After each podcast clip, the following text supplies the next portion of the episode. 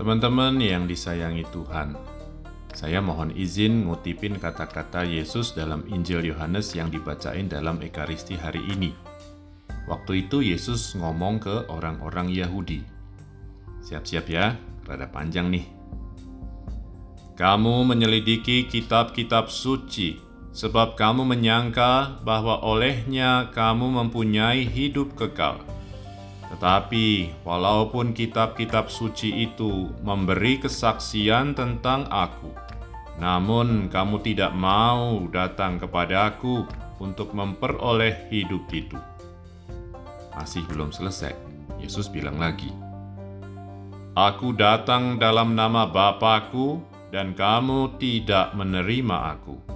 Jikalau orang lain datang atas namanya sendiri, kamu akan menerima dia Bagaimanakah kamu dapat percaya karena kamu menerima hormat seorang dari orang lain, tetapi tidak mencari hormat yang datang dari Allah yang esa?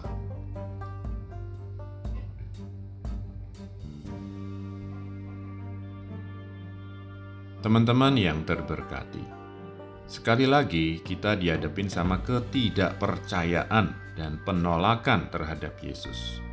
Itu berarti sekali lagi kita berhadapan dengan keberpusatan pada diri sendiri. Orang-orang Yahudi sibuk dengan pikirannya sendiri, sibuk memperjuangkan kepentingannya sendiri, sibuk mempertahankan kenyamanannya sendiri. Semuanya akan hilang kalau mereka menerima Yesus. Bahkan ketika mempelajari dan mendalami kitab suci pun mereka gak tergerak nggak tercerahkan, nggak berubah pusat perhatiannya dari diri sendiri menjadi Yesus. Padahal kitab suci memberi kesaksian tentang Yesus, mengarahkan pikiran orang kepada Yesus. Mereka ngakupin percaya kepada Musa yang memberi hukum Taurat, yang berarti mereka mengaku percaya juga kepada kitab suci, kepada pengajar atau para nabi, tapi pikirannya tetap aja terarah dan berpusat pada dirinya sendiri. Teman sahabat Yesus, zaman sekarang banyak banget pengajaran online. Hati-hati ya, jangan sampai kita punya mentalitas kayak orang-orang Yahudi. Jangan sampai kita sibuk belajar ini itu, percaya apa yang diajarin, jadi lebih pinter, tapi mindsetnya tetap aja egosentris, berpusat pada diri sendiri. Ntar nggak ada bedanya dong kita sama orang-orang Yahudi.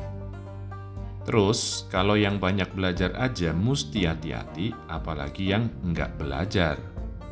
Hari gini kan zamannya misa online.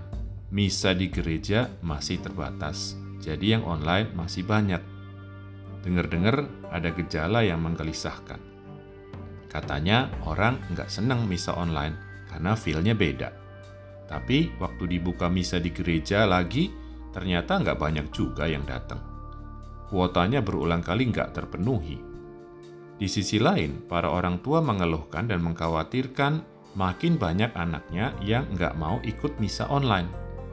Kalau ikut pun sebenarnya nonton video rekamannya, bukan live streamingnya. Mungkin nggak disadari, tapi yang kayak gitu juga sebenarnya contoh dari pikiran yang egosentris.